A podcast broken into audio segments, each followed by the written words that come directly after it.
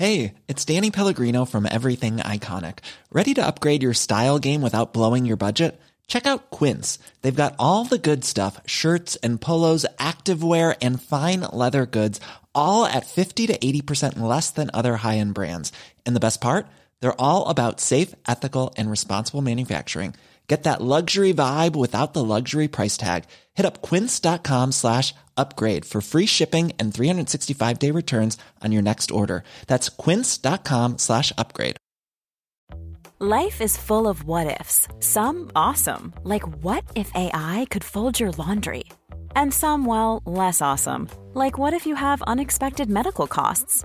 United Healthcare can help get you covered with Health Protector Guard fixed indemnity insurance plans. They supplement your primary plan to help you manage out of pocket costs. No deductibles, no enrollment periods, and especially no more what ifs. Visit uh1.com to find the Health Protector Guard plan for you.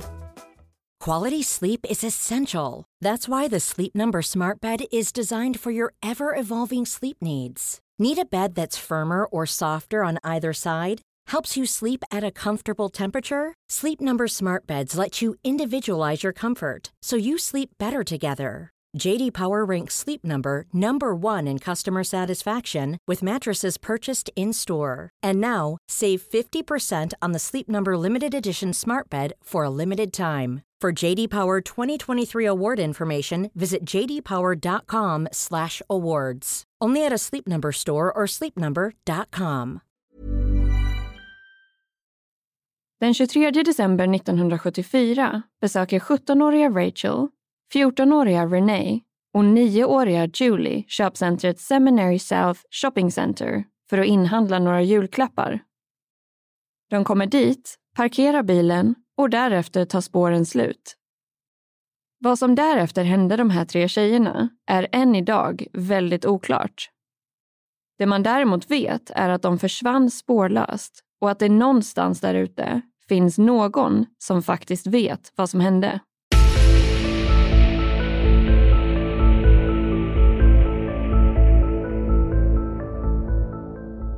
Hej och varmt välkomna ska ni vara till ännu ett avsnitt av Rysapodden. Och dessvärre måste vi också säga till det sista avsnittet för den här säsongen. Vi blir verkligen lika förvånade varje gång över hur pass snabbt tio veckor går. För att för oss känns det ju som att vi precis släppte säsong tre. Ja, men det är lite skrämmande faktiskt hur pass snabbt de här veckorna susar förbi. Sen passerar nog extra mycket tid obemärkt förbi när man inte gör något och bara sitter hemma hela tiden som man gör nu. Men jag tänker faktiskt att vi parkerar det här ämnet för en liten stund och så kommer vi tillbaka till det i slutet av avsnittet istället. För först och främst så har vi ju faktiskt ett väldigt märkligt fall att ta oss igenom. För den här veckan ska vi ju prata om ett massförsvinnande som ägde rum i Fort Worth, Texas år 1974.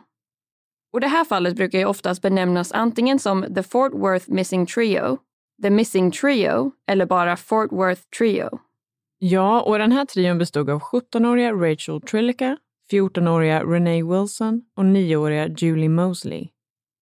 Det här fallet påminner ju faktiskt en hel del om ett annat massförsvinnande som vi tog upp i avsnitt nummer 17, nämligen fallet kring The Springfield 3. Och precis som vi påtalade i det avsnittet så är det ju väldigt ofattbart och svårt att ta in att inte bara en, utan flera personer kan försvinna spårlöst vid ett och samma tillfälle. Men vi har ändå ett relativt långt avsnitt att ta oss igenom den här veckan, så jag tycker att vi tar och sätter igång direkt här.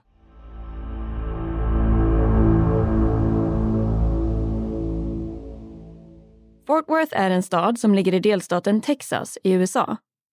Det här är en av delstatens största och mest folktäta städer och idag har Fort Worth en befolkning på ungefär 800 000 personer. Under mitten av 70-talet såg den här siffran såklart lite annorlunda ut och på den här tiden hade staden ungefär 400 000 invånare. Fort Worth ligger ungefär en halvtimmes bilresa från Dallas och andra större städer i närheten inkluderar bland annat San Antonio, Austin och Houston. Den 23 december år 1974 bestämde sig tre unga tjejer för att bege sig till ett populärt köpcentrum i Fort Worth som på den tiden hette Seminary South Shopping Center. Trion bestod av 17-åriga Mary Rachel Trillica som kallades för sitt mellannamn Rachel 14-åriga Lisa Renee Wilson, som även hon kallades för sitt mellannamn Renee. och slutligen 9-åriga Julie Ann Mosley. Och jag tänker att vi kan börja med att gå in lite mer på den äldsta av tjejerna, alltså Rachel Trillica. Hon var som sagt 17 år gammal och trots sin unga ålder hade hon redan hunnit gifta sig och flytta hemifrån. Vilket såklart var betydligt vanligare på 70-talet än vad det är idag. Rachel var gift med en 21-årig kille vid namn Thomas Trillica, men hon brukade däremot alltid kalla honom för Tommy. Rachel tog Tommys efternamn när de gifte sig och hennes tidigare namn som ogift var Arnold. Det här äktenskapet var dock inte Tommys första och han var vid 21 års ålder redan skild och hade en tvåårig son vid tidpunkten då han och Rachel blev tillsammans. Tommy hade också varit förlovad med Rachels två år äldre syster Deborah tidigare. Men enligt Debra ska det här inte ha varit en så kallad riktig förlovning och hon har beskrivit att deras förhållande inte alls hade varit speciellt seriöst. Hon har också uppgett att det inte fanns någon som helst svartsjuka eller konstiga känslor kring faktumet att Rachel nu hade gift sig med Tommy. Och det verkade på många sätt som att det här stämde eftersom att Rachel erbjöd sin syster att flytta in hos henne och Tommy när Debra hade gjort slut med sin dåvarande pojkvän. Hon bodde fortfarande kvar hemma hos dem vid tidpunkten för Rachels försvinnande och det ska inte ha varit några konstigheter alls att dela hushåll trots den historiken som fanns mellan Tommy och Deborah. Under morgonen den 23 december 1974 bestämde sig Rachel för att hon skulle åka till det lokala köpcentret för att köpa lite julklappar. Det här var ju bara två dagar innan jul, som i USA firas den 25 december. Rachel ska först ha frågat sin syster Debra om hon ville följa med och shoppa, men hon ska då ha sagt att hon var trött och ville fortsätta sova. Rachel frågade då istället sin kompis Renee Wilson om hon ville följa med till köpcentret, vilket hon gärna ville. Renee var som sagt 14 år gammal och alltså ett par år yngre än Rachel. Deras familjer var dock väldigt goda vänner sedan många år tillbaka och de hade därför känt varandra ända sedan de var små. Under förmiddagen den 23 december åkte Rachel för att hämta upp Renee och i vanlig ordning körde hon sin bil som var av märket Oldsmobile 98 och av årsmodell 1972. Den här förmiddagen befann sig Renee hemma hos sina mor eller farföräldrar så det var därifrån Rachel skulle hämta upp henne. Rakt över gatan från deras hus bodde familjen Mosley och den tredje personen som följde med till köpcentret, det vill säga nioåriga Julie Ann Mosley.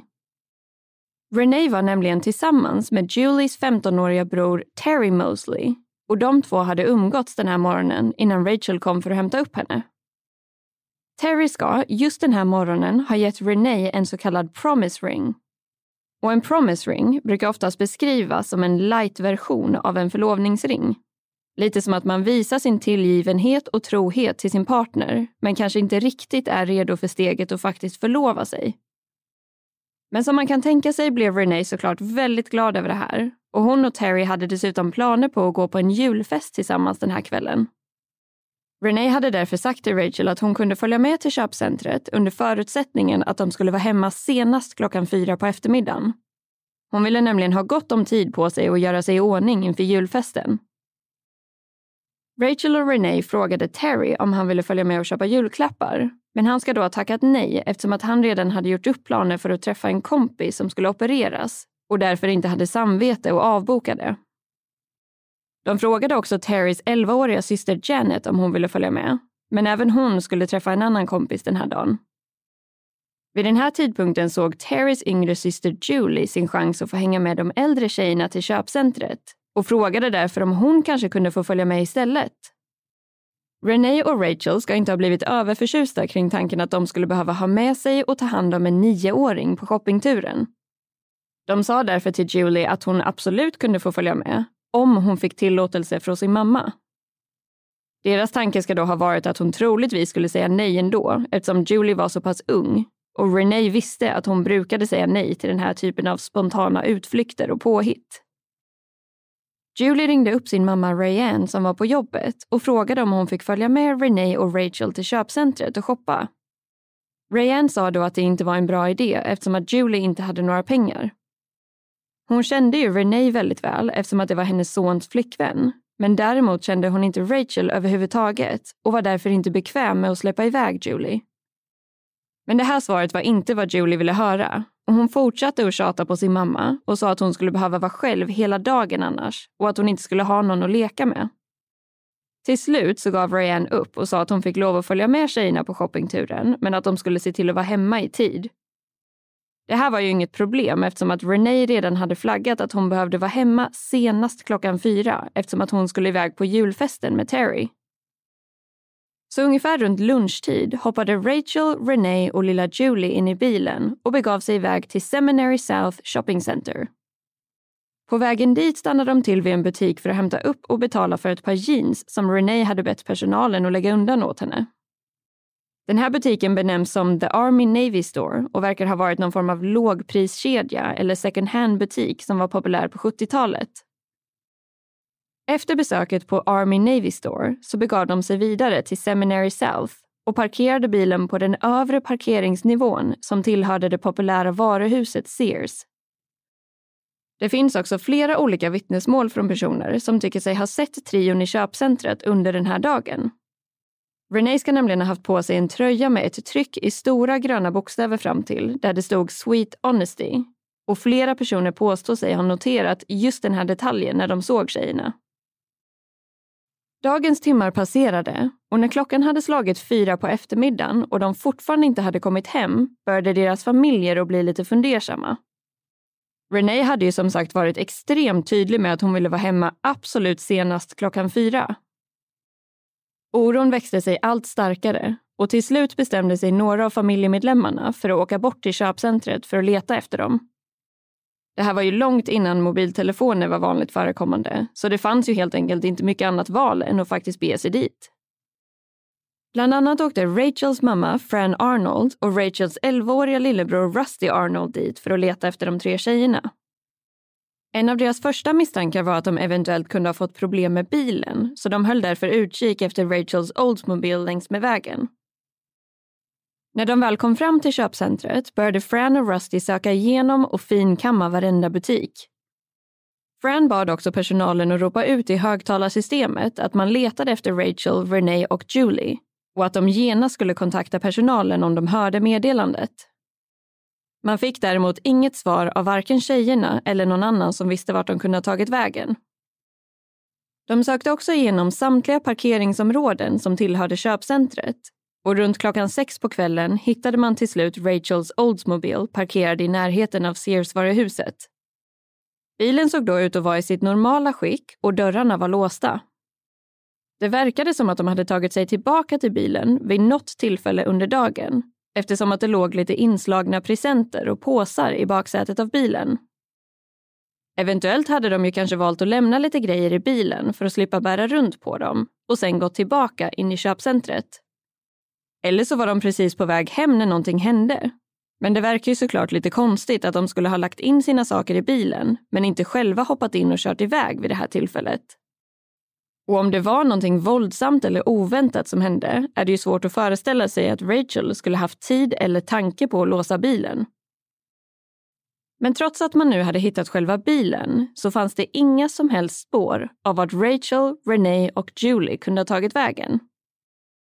Med tanke på att bilen stod kvar med presenterna liggandes inuti hade familjerna fortfarande en förhoppning om att de skulle komma tillbaka. Men samtidigt hade oron och betydligt hemskare tankar också börjat ta över. Och allt eftersom kvällen passerade började de ana att saker och ting verkligen inte stod rätt till. Vissa av familjemedlemmarna valde därför att stanna kvar under kvällen och natten för att hålla ett öga på bilen och själva området kring köpcentret. Renees pappa Richard tog med sig sitt gevär och vakade över bilen hela natten. Men det här resulterade dessvärre inte heller i några nya spår eller ledtrådar.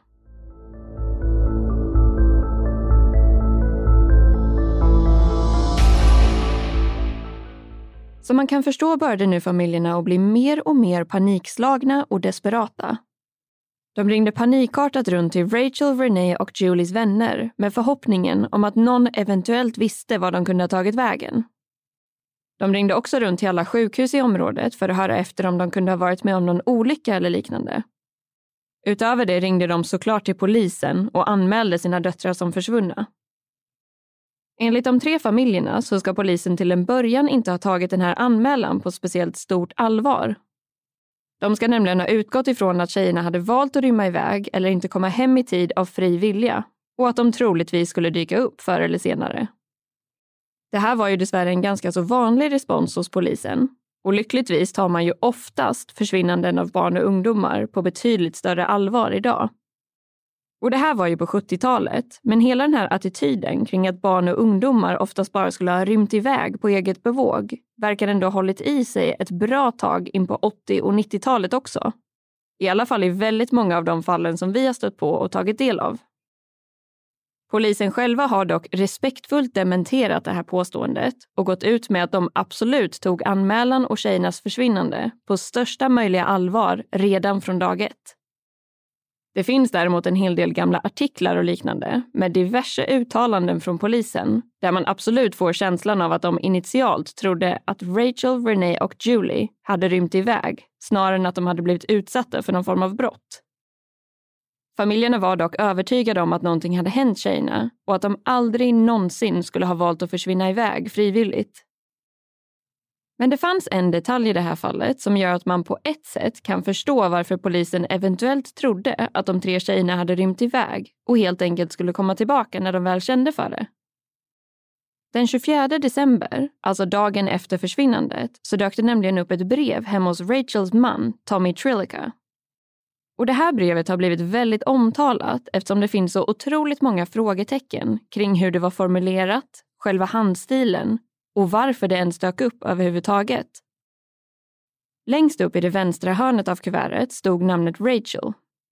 Det såg däremot ut som att namnet hade blivit felstavat och att man hade försökt rätta till problemet. Många tycker nämligen att den sista bokstaven i namnet, alltså L, ser ut som att någon har börjat skriva ett litet E, men insett misstaget och då förlängt bokstaven till ett L. Det är också värt att poängtera att all text på både kuvertet och själva brevet är skriven i en kursiv och väldigt snirklig typ av handstil. Så det gör det faktiskt ganska svårt att urskilja specifika bokstäver och siffror överhuvudtaget. Utöver namnet Rachel fanns det ingen ytterligare information från avsändaren på kuvertet. Det här kan tyckas lite märkligt eftersom man som avsändare av ett brev normalt brukade inkludera sitt fullständiga namn och sin adress. Däremot var ju Rachels adress och efternamn samma som Tommys eftersom att de var gifta och bodde tillsammans. Själva brevet inuti bestod av ett papper med följande text på. I know we're going to catch it, but we just had to get away. We're going to Houston. We'll see you in about a week. The car is in Sears upper lot. Love, Rachel. Och översatt till svenska skulle man kunna säga att texten lyder ungefär så här. Jag vet att vi kommer få en rejäl utskällning, men vi behövde bara komma bort. Vi ska åka till Houston. Vi ses om ungefär en vecka. Bilen står parkerad på den övre parkeringen vid Sears. Varma hälsningar, Rachel. Brevet hittades som sagt i Tommys brevlåda och var adresserat till hans fullständiga namn, Thomas A. Trillica. Det här var också en ganska märklig detalj eftersom att Rachel alltid kallade honom för Tommy och i princip aldrig använde den mer formella versionen av hans namn på det här sättet. Enligt vissa källor ska texten på kuvertet och brevet ha varit skriven med två olika pennor. En med blyerts och en med bläck. Det är dock lite svårt att avgöra om det faktiskt stämmer utifrån de fotokopiorna som kommer upp när man googlar bilder på det här brevet. Men det finns också många som tycker att det är uppenbart att handstilen på kuvertet skiljer sig från handstilen på själva brevet. Och den tanken kan man absolut förstå när man kollar på namnet Rachel och jämför hur det är skrivet på kuvertet och på brevet. På kuvertet är handstilen lite mer förfinad och mjukare medan texten i brevet känns lite mer knackig och svajig. På kuvertet fanns också en poststämpel som indikerade att brevet hade skickats den 24 december 1974. Alltså dagen efter försvinnandet och samma dag som brevet hade hittats i brevlådan hos Tommy. Till en början fanns en viss skepsis till faktumet att brevet i sånt fall skulle ha stämplats, postats och levererats under en och samma dag. Men polisen kunde senare verifiera att det var en legitim poststämpel och att det inte var helt omöjligt att det kunde gå så pass snabbt i vissa fall. Speciellt om det var så att det hade skickats från ett närliggande område. Och frågan kring vart exakt brevet hade postats från var inte den enklaste att besvara. Poststämpeln inkluderade nämligen inget namn på någon ort utan bara ett suddigt och utsmetat postnummer. Initialt trodde polisen att brevet hade postats från det lilla samhället Eliasville i Young County, Texas. Man kunde däremot senare konstatera att brevet faktiskt hade postats lokalt från Fort Worth, Texas, vilket såklart skulle kunna förklara hur det hade lyckats komma fram så pass snabbt. Men sammanfattningsvis kan man i alla fall konstatera att det fanns vissa detaljer som talade för att det inte var Rachel själv som hade skrivit det här brevet, även om det var hennes namn som stod som avsändare. Dels på grund av handstilen och faktumet att hon aldrig normalt benämnde Tommy vid hans fullständiga namn. Men sen kommer vi också till själva innehållet i brevet. Det vill säga att tjejerna hade valt att åka iväg till Houston och att de skulle komma hem om ungefär en vecka. Den mest märkliga delen av det här brevet skulle kunna anses vara frasen “Vi var bara tvungna att komma iväg”. För det fanns ju nämligen en hel del saker som stack hål på den här teorin och att de skulle ha haft någon form av hemlig plan för att rymma iväg just den här dagen. För det första var inte det här en speciellt välplanerad dagsutflykt och att det var just de här tre personerna som begav sig dit var ju egentligen lite av en slump. Rachel hade ju först frågat sin syster Deborah om hon ville följa med och efter att hon hade sagt nej hörde hon istället av sig till Renee. Och faktumet att Julie var med var ju egentligen bara för att hon råkade vara i närheten och tjatade på sin mamma ända tills hon gav upp och lät henne följa med. Rachel och Julie hade ingen egentlig relation alls till varandra och enligt vissa källor hade de inte ens träffats innan den här dagen. Så det känns ju därför ganska konstigt om den här slumpmässiga trion skulle få för sig att helt plötsligt rymma iväg tillsammans. För det andra är också själva tajmingen väldigt märklig. Renee hade ju tidigare samma morgon fått en promise ring av sin pojkvän Terry och var väldigt exalterad över att få gå på julfest tillsammans med honom senare samma kväll. Så pass exalterad att hon hade satt en deadline för när hon senast behövde vara hemma för att hinna göra sig i ordning i lugn och ro innan. Utöver det här faktumet så försvann ju Rachel, Renee och Julie när det bara var två dagar kvar till det efterlängtade julfirandet. Den huvudsakliga anledningen till att de var på köpcentret den här dagen var ju faktiskt för att köpa julklappar.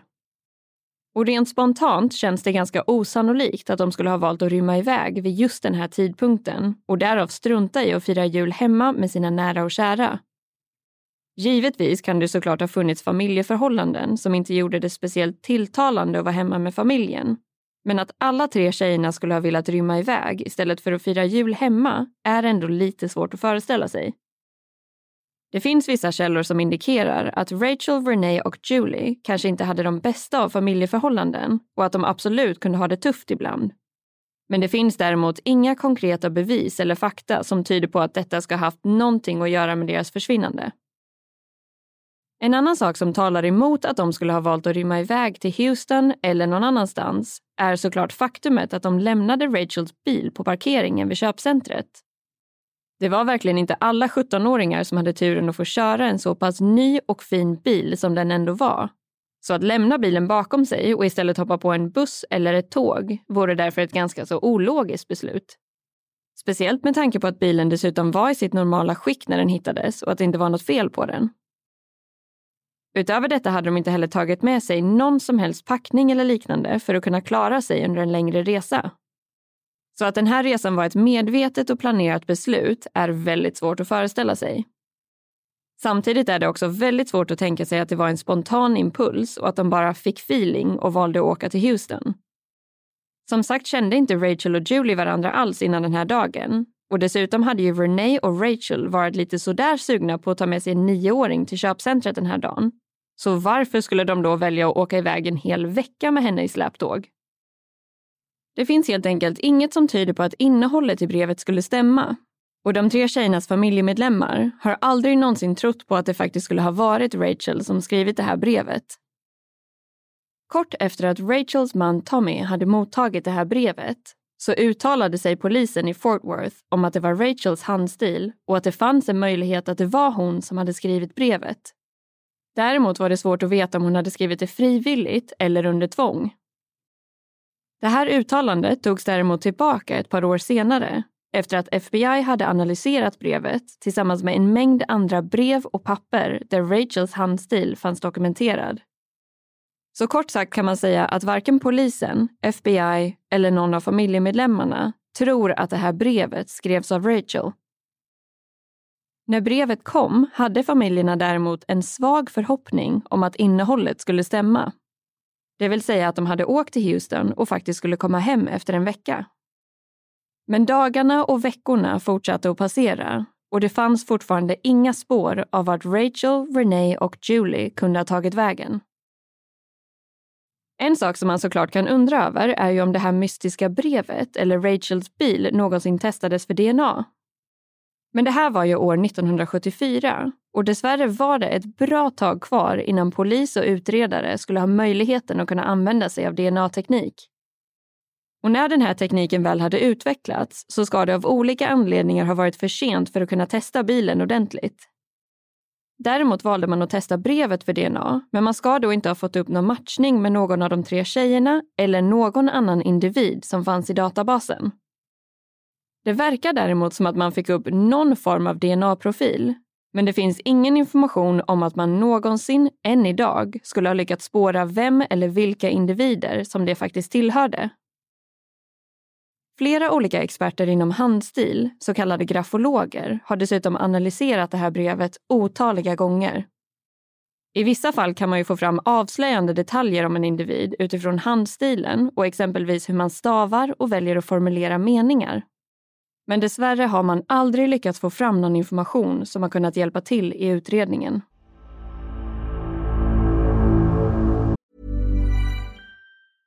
Ryan Reynolds here from Mint Mobile. With the price of just about everything going up during inflation, we thought we'd bring our prices down.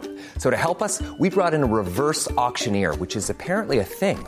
Mint Mobile unlimited premium wireless. Ready to get 30, 30, bit to get 30, bit to get 20, 20, 20, bit to get 20, 20, bit to get 15, 15, 15, 15 just 15 bucks a month. So, Give it a try at mintmobile.com/switch. slash $45 upfront for three months plus taxes and fees. Promo for new customers for limited time. Unlimited more than 40 gigabytes per month. Slows. Full terms at mintmobile.com. Cool fact a crocodile can't stick out its tongue. Also, you can get health insurance for a month or just under a year in some states. United Healthcare short term insurance plans, underwritten by Golden Rule Insurance Company, offer flexible, budget friendly coverage for you. Learn more at uh1.com. Millions of people have lost weight with personalized plans from Noom, like Evan, who can't stand salads and still lost 50 pounds. salads generally for most people are the easy button, right? For me, that wasn't an option. I never really was a salad guy. That's just not who I am. But Noom worked for me. Get your personalized plan today at Noom.com. Real Noom user compensated to provide their story. In four weeks, the typical Noom user can expect to lose one to two pounds per week. Individual results may vary.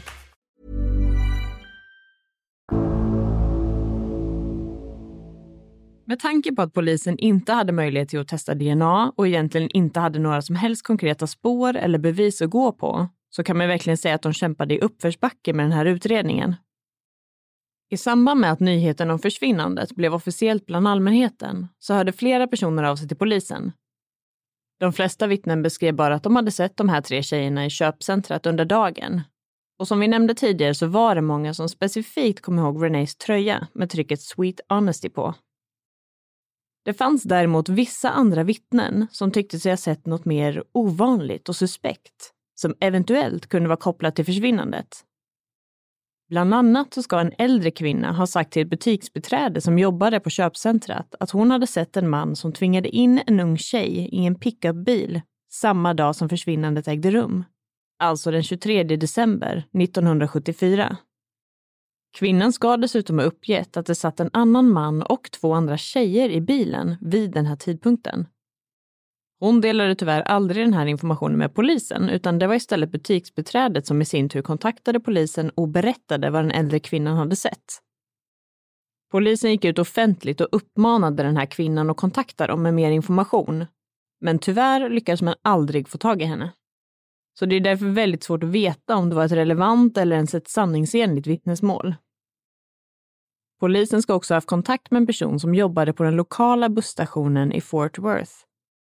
Den här personen påstår sig ha sett trion på stationen morgonen efter försvinnandet och sa att de då hade frågat om olika typer av bussresor. Det fanns också flera andra vittnesmål från olika personer som tyckte sig ha sett tjejerna. Men det ska tyvärr inte ha gått att verifiera och styrka informationen, vilket gjorde det svårt för polisen att fortsätta utreda de här spåren och tipsen som kom in. Så med andra ord så var det här en väldigt utmanande utredning och det verkade som att polisen helt enkelt stod och stampade på samma ställe utan framgång. Efter ett tag så började de till och med ha kontakt med olika medium som ansåg sig veta vad som kunde ha hänt den försvunna trion. Det här ledde till flera sökningar på olika platser och områden där de tre tjejerna påstods ligga begravda. Men återigen hittade man ingenting som tydde på att det här faktiskt stämde. Under våren 1975 så började familjerna att känna sig allt mer frustrerade över att polisen fortfarande inte hade lyckats få fram några svar kring vad det var som faktiskt hände. De bestämde sig därför för att starta upp sin egen utredning och anlitade därför privatdetektiven Joe Swaim. Han gick ut hårt och anordnade presskonferenser på regelbunden basis för att påminna allmänheten om fallet men också i syfte att sätta press på polisen och deras utredning. Han ska även ha lyckats övertala polisen om att dela med sig av diverse information och dokument kring fallet. Joe tog också emot mängder av tips och följde upp allt han kunde. Även polisen hjälpte till med att följa upp vissa av de tipsen som kom in via Joes utredning. I april 1975 så begav sig Joe tillsammans med 100 volontärer till staden Port Lavaca som ligger ungefär fem timmars bilresa söderut från Fort Worth. Den här insatsen baserades på ett anonymt tips som hade kommit in om att de tre kropparna skulle ligga begravda under en bro där. Man sökte därför genom området runt omkring alla tänkbara broar i staden. Men återigen, och precis som vid de tidigare sökningarna, så ledde det ingenstans alls. I augusti 1975 så upptäckte Joe att det fanns en 28-årig man i Fort Worth som hade ägnat sig åt att ringa och trakassera unga kvinnor på telefon. Den här mannen hade dessutom jobbat i en butik där Rachel hade sökt jobb strax innan försvinnandet ägde rum. Det visade sig nämligen att han hade utnyttjat sin tjänst för att samla på sig information och kontaktuppgifter till unga kvinnor som sökte jobb där. Och ibland även kvinnor som var angivna som referenser på deras CVn. Man listade ut att det var just han som hade ringt eftersom att flera olika kvinnor som hade sökt jobb där också hade blivit utsatta för de här obscena telefonsamtalen. Det visade sig också att den här mannen tidigare hade bott i samma område som Rachels föräldrar bodde och där hon växte upp. Han ska däremot ha flyttat därifrån strax innan hon gifte sig med Tommy. Den här mannen var som sagt på tapeten under en viss period men utifrån vad vi har kunnat hitta så verkar han aldrig ha varit en huvudmisstänkt eller ens misstänkt i fallet, utan snarare en person av intresse. Under den senare delen av 70-talet så uppkom flera olika tillfällen då man för en kort stund trodde att familjerna äntligen skulle kunna få ett svar. Bland annat upptäcktes tre skelett nedgrävda på ett fält i Brazoria County i Texas.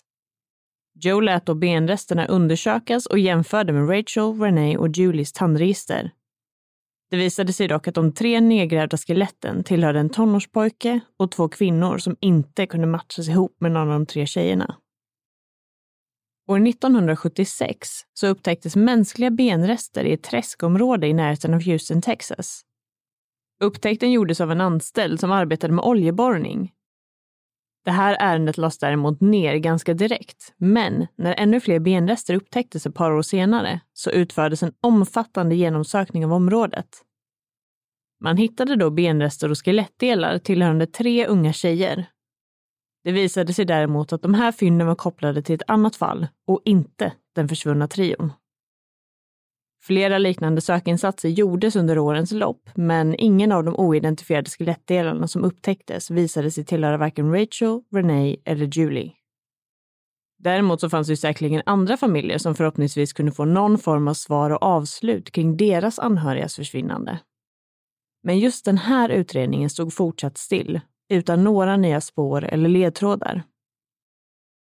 År 1979 så avled privatdetektiven Joe Swain till följd av en överdos och hans död blev senare fastställd som självmord. Han hade angett att samtliga filer och dokument kopplade till hans utredningar skulle förstöras efter hans död, vilket man därför gjorde. Det här var ju såklart en stor tragedi för de här tre familjerna eftersom de hade haft ett nära samarbete med Joe under flera års tid och nu dessutom hade förlorat all potentiell information som han hade kunnat överlåta till dem eller till polisen för att kunna utreda vidare.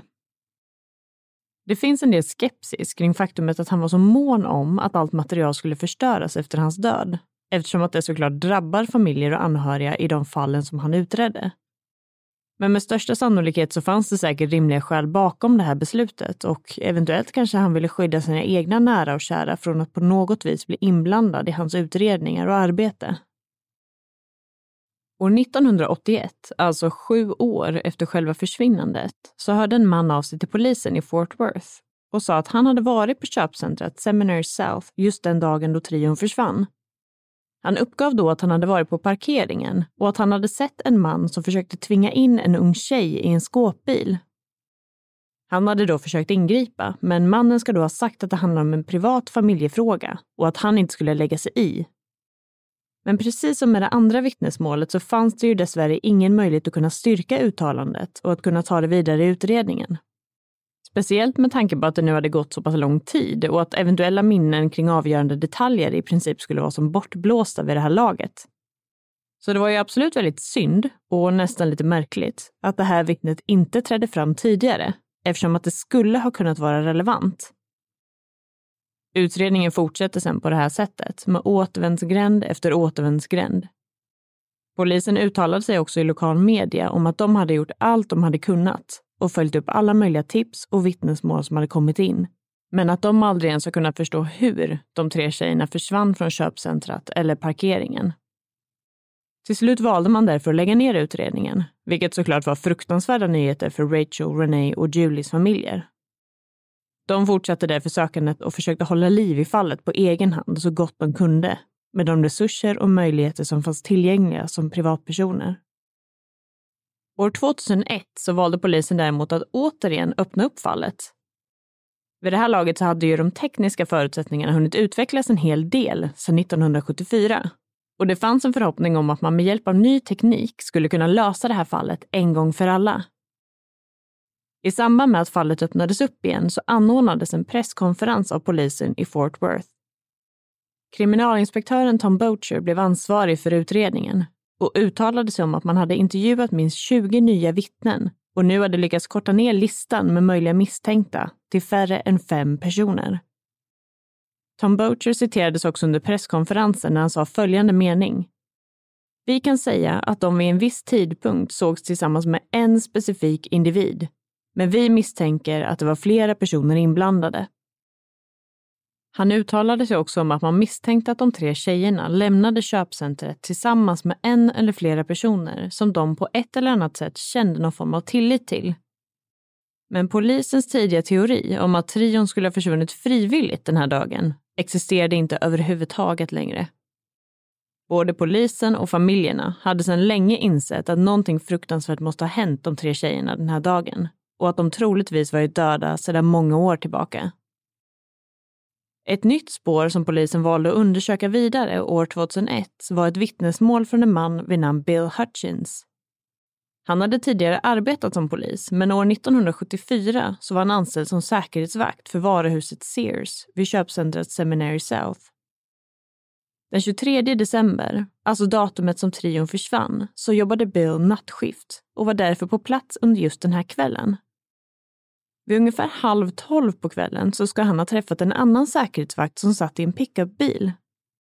Detaljerna kring det här mötet är inte helt tydliga, men av någon anledning så ska de här två männen ha utbytt några hetska meningar och helt enkelt tjafsat lite med varandra. Bill ska under det här korta mötet ha närmat sig pickupbilen och noterat att den här andra säkerhetsvakten inte var själv i bilen han såg då nämligen att det satt tre unga tjejer ihoptryckta i framsätet på bilen och i sitt vittnesmål kunde han i detalj beskriva hur de satt, eller i vilken ordning de satt. Bill uppgav att den tjejen som såg yngst ut satt närmast föraren, vilket i så fall skulle ha kunnat vara nioåriga Julie. Bredvid henne satt tjejen som såg näst yngst ut, vilket skulle ha kunnat vara 14-åriga Renee. Slutligen satt en tjejen som såg ut att vara lite äldre längst ut bredvid passagerardörren. Och det här skulle ju då ha kunnat vara 17-åriga Rachel. Däremot var Bill väldigt tydlig med att det verkade som om tjejerna befann sig i bilen av egen fri vilja och att de inte verkade som att de var där under någon form av tvång eller hot. De ska ha sett väldigt glada ut och skrattat och verkar trivas i den här mannens sällskap. Enligt Bill så ska den här mannen sedan ha bett om ursäkt för att han hade varit otrevlig och därefter åkte de iväg från platsen. Och det här känns ju som ett väldigt relevant vittnesmål, så då kan man ju såklart undra varför Bill Hutchins valde att vänta så pass många år innan han hörde av sig. Men det var faktiskt så att Bill inte alls väntade länge, utan han hörde av sig till polisen med sitt vittnesmål i samband med försvinnandet 1974.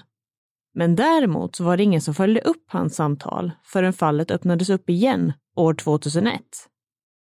När han inte fick någon återkoppling från polisen så utgick han ifrån att de hade betydligt bättre spår och vittnesmål att utgå ifrån. Eller att de av andra skäl inte ansåg att det här var relevant i utredningen. Och hur polisen kunde missa att höra av sig till Bill är ganska svårt att förstå och det måste ju dessutom ha varit väldigt tungt för familjerna att höra om den här missen. Men år 2001 så uttalade sig polisen i alla fall om att man nu, 27 år senare, hade lyckats spåra just den säkerhetsvakten som Bill hade beskrivit i sitt vittnesmål. Han ska då ha nekat till att ha haft de här tre unga tjejerna i sin pickupbil den 23 december 1974. Och hela den här delen är ju ganska så frustrerande, för att det är ju ganska så uppenbart att han vid frågan skulle neka till att ha haft dem i sin bil, oavsett om de faktiskt hade varit där eller inte. Polisen uttalade sig senare om Bill Hutchins vittnesmål och sa att de ansåg att det var ett högst relevant spår, men att de inte bara fokuserade på en, utan ett antal olika misstänkta i utredningen. Anledningen till att just det här vittnesmålet känns så pass trovärdigt och relevant är ju dels på grund av att Bills initiala kontakt med polisen var precis i samband med försvinnandet och att han hade sett tre tjejer i olika åldrar som passade in väldigt väl på beskrivningen av Rachel, Renee och Julie. Men en annan sak som gör det intressant är ju också att polisen, och många andra, är övertygade om att trion blev bortförda från köpcentret av en eller flera personer som de kände tillit till. Och en typisk person som man skulle kunna tänkas lita på är ju just en säkerhetsvakt. Men det här vittnesmålet ledde inte heller till några fler svar och den lilla strimman av hopp som familjerna fick tillbaka i samband med den nyöppnade utredningen började nu sakta men säkert att släckas igen.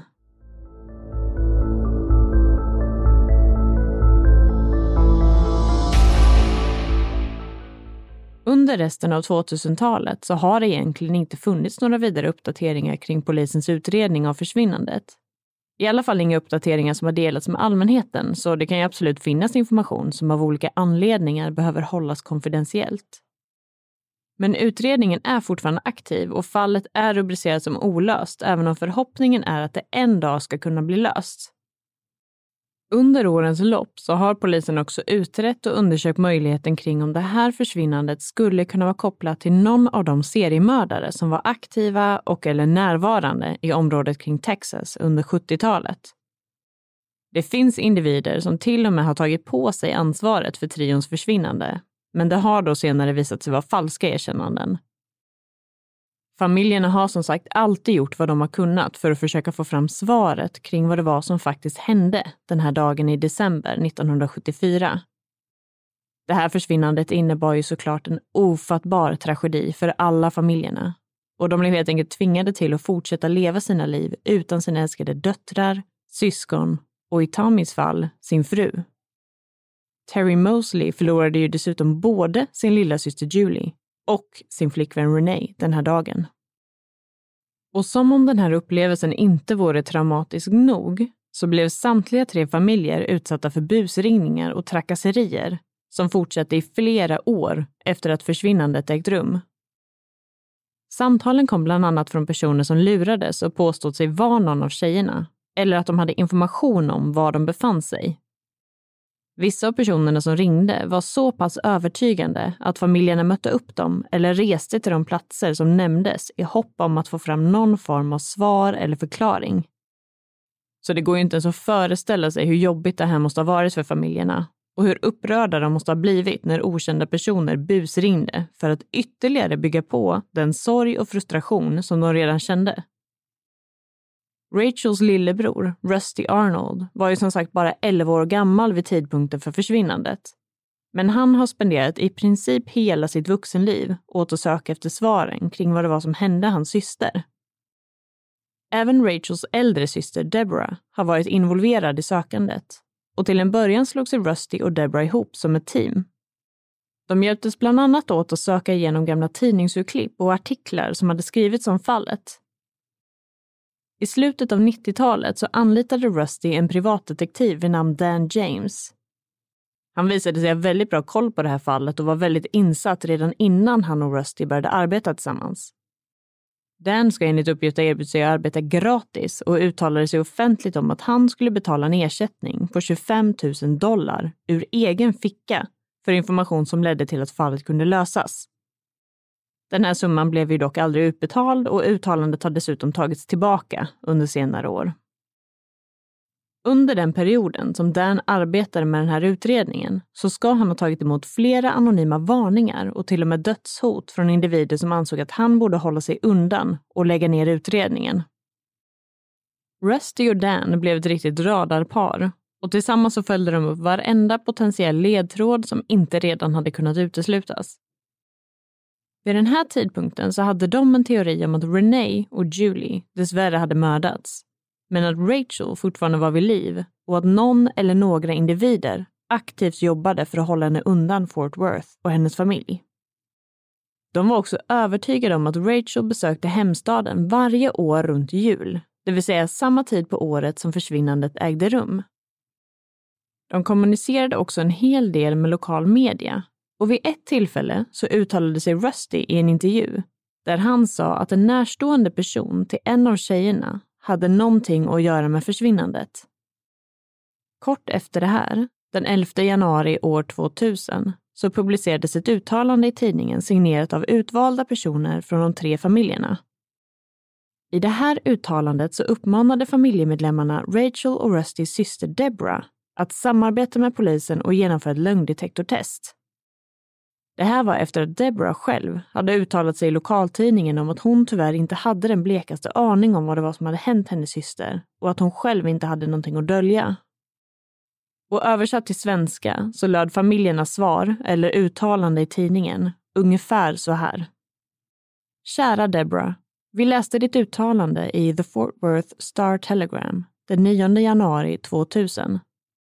Du indikerade då att du inte hade något att dölja om ditt uttalande faktiskt stämmer så bönar och ber vi dig att samarbeta fullt ut med polisen i Fort Worth och med FBI.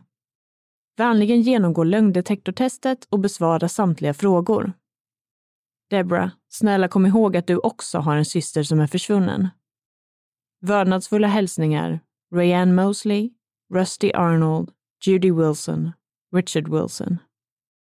Det här uttalandet var alltså signerat av Rusty själv Julies mamma Rayanne och Renées föräldrar Judy och Richard. Det var alltså inte alla familjemedlemmar som hade skrivit under och framförallt inte Rusty, Rachel och Debras mamma Fran. Hon delade nämligen inte alls samma misstankar som Rusty gentemot Deborah och ansåg att privatdetektiven Dan James hade fått Rusty att vända sig mot sin egen familj och sin egen syster och det ska sägas att det finns inte några som helst bevis för att Debra skulle ha varit inblandad eller ha haft någon vetskap om vad det var som hände Rachel, Renee och Julie. Hon har under senare år uttalat sig om att hon visst har genomgått lögndetektortest och blivit utredd av FBI och att hon står fast vid att hon inte hade någon som helst inblandning i försvinnandet. Med största sannolikhet så stämmer det här uttalandet och då är det såklart väldigt synd att hennes namn ens har kommit på tal i den här typen av kontext. Att förlora en syster var ju troligtvis precis lika tufft för henne som för Rusty. Och hon har ju dessutom behövt leva med faktumet att hon valde att ligga kvar och dra sig i sängen den där dagen istället för att följa med sin syster till köpcentrat. Under senare år har Rusty lugnat ner sig lite med de här anklagelserna och har istället försökt att lappa ihop relationen med sin familj. Han har däremot varit fortsatt aktiv i fallet och har varit en starkt bidragande faktor till att fallet än idag håller sig levande. Bland annat så har han startat en Facebookgrupp och en hemsida som heter missingtrio.com som vi också har utgått en hel del från i vår research inför det här avsnittet. Så sent som 2018 så arrangerade Rusty en genomsökning av en sjö som heter Benbrook Lake som ligger strax utanför Fort Worth. Den huvudsakliga anledningen till genomsökningen var att då försöka lyfta upp tre bilar som låg djupt ner på botten av sjön och som man misstänkte kunde ha någonting att göra med försvinnandet. Han fick hjälp av ett dykarteam som antog den här enorma utmaningen för att de ville hjälpa familjerna att kunna få ett svar på den här gåtan en gång för alla. Polisen hade nämligen sagt att de inte kunde genomföra den här typen av riskfylld dykning utan mer konkreta bevis än misstankar och teorier. Det här blev en väldigt omtalad händelse som skapade rubriker bland lokal media och det fanns en stark förhoppning om att svaret på det mer än 40 år gamla mysteriet skulle finnas nere på sjöns mörka och grumliga botten. Dessvärre ledde inte den här genomsökningen till några nya bevis eller ledtrådar heller och hoppet slocknade återigen hos Rusty och de tre familjerna. Än idag så vet man inte vad det var som hände den där dagen i december 1974 och vad Rachel Trillica, Renee Wilson och Julie Mosleys livsöden blev. Den generella teorin är dock att de råkade ut för någonting hemskt som gjorde att de miste livet i samband med eller kort efter själva försvinnandet. Renees pappa Richard har uttalat sig till den lokala tidningen Star Telegram och sagt att han önskar att han kunde tro det motsatta, men att det är svårt eftersom att så pass många år nu har passerat. Även Rusty har uttalat sig om att han under senare år har insett att det här sorgligt nog är den faktiska sanningen kring vad det var som hände. Hade trion levt idag så hade Rachel varit 64 år gammal. Renee hade varit 61 och Julie hade varit 56 år gammal. Och det är ju såklart oerhört sorgligt att tänka på hur mycket de missade och allt de inte fick möjligheten att uppleva. Flera av deras familjemedlemmar och framförallt många av föräldrarna har nu gått bort utan att någonsin få veta sanningen kring försvinnandet. Rachels mamma Fran är idag över 80 år gammal men har definitivt inte glömt händelserna som utspelade sig och den sorg som hon och de andra familjerna tvingats leva med resten av sina liv. I en intervju med Dateline NBC förklarar Rusty att deras mamma fortfarande ställer ut tre upplysta änglar på sin trädgård varje år inför jul som symboliserar de tre försvunna tjejerna. Det finns som sagt väldigt mycket man inte vet kring det här fallet och väldigt många frågor som än idag är obesvarade det som däremot är helt säkert är att någon där ute vet vad det var som hände trion och att den här dagen påverkade väldigt många människors liv på ett fruktansvärt och plågsamt sätt. Och jag tänker att ett uttalande från Julies mamma Rianne sammanfattar det här fallet på ett väldigt bra sätt. Och det lyder så här. One thing's sure. Somebody knows. Somebody knows for sure what happened.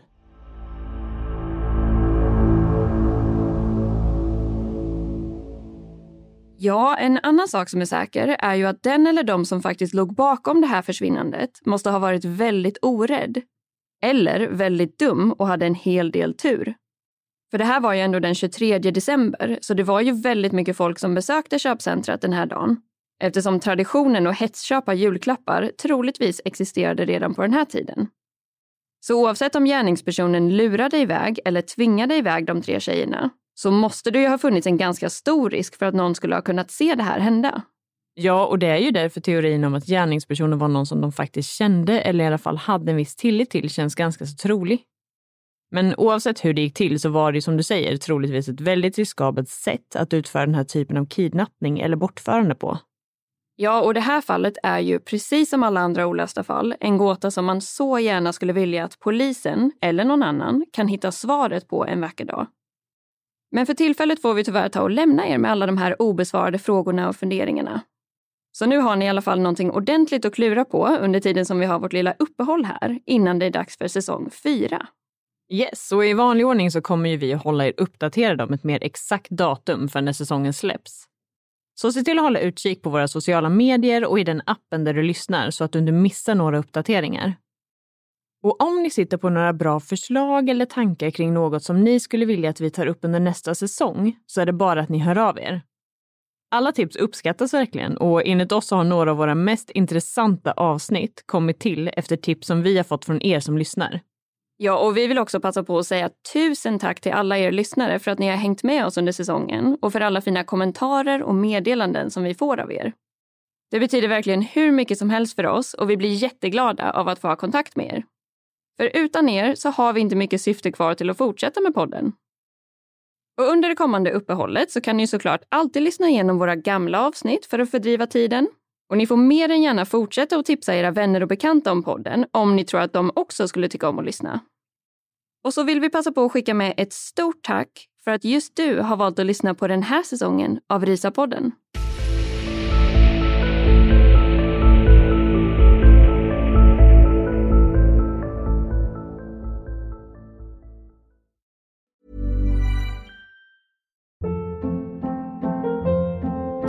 Hold up. What was that? Boring. No flavor. That was as bad as those leftovers you ate all week. Kiki Palmer here, and it's time to say hello to something fresh and guilt-free. Hello Fresh. Jazz up dinner with pecan-crusted chicken or garlic butter shrimp scampi. Now that's music to my mouth. Hello Fresh. Let's get this dinner party started. Discover all the delicious possibilities at hellofresh.com. Hey, it's Paige DeSorbo from Giggly Squad. High quality fashion without the price tag. Say hello to Quince. I'm snagging high-end essentials like cozy cashmere sweaters, sleek leather jackets, fine jewelry, and so much more. With Quince being 50 to 80% less than similar brands. And they partner with factories that prioritize safe, ethical, and responsible manufacturing. I love that. Luxury quality within reach. Go to quince.com slash style to get free shipping and 365 day returns on your next order. Quince.com slash style. Why don't more infant formula companies use organic, grass fed whole milk instead of skim? Why don't more infant formula companies use the latest breast milk science? Why don't more infant formula companies run their own clinical trials? Why don't more infant formula companies use more of the proteins found in breast milk? Why don't more infant formula companies have their own factories instead of outsourcing their manufacturing? We wondered the same thing. So we made ByHeart, a better formula for formula. Learn more at byheart.com.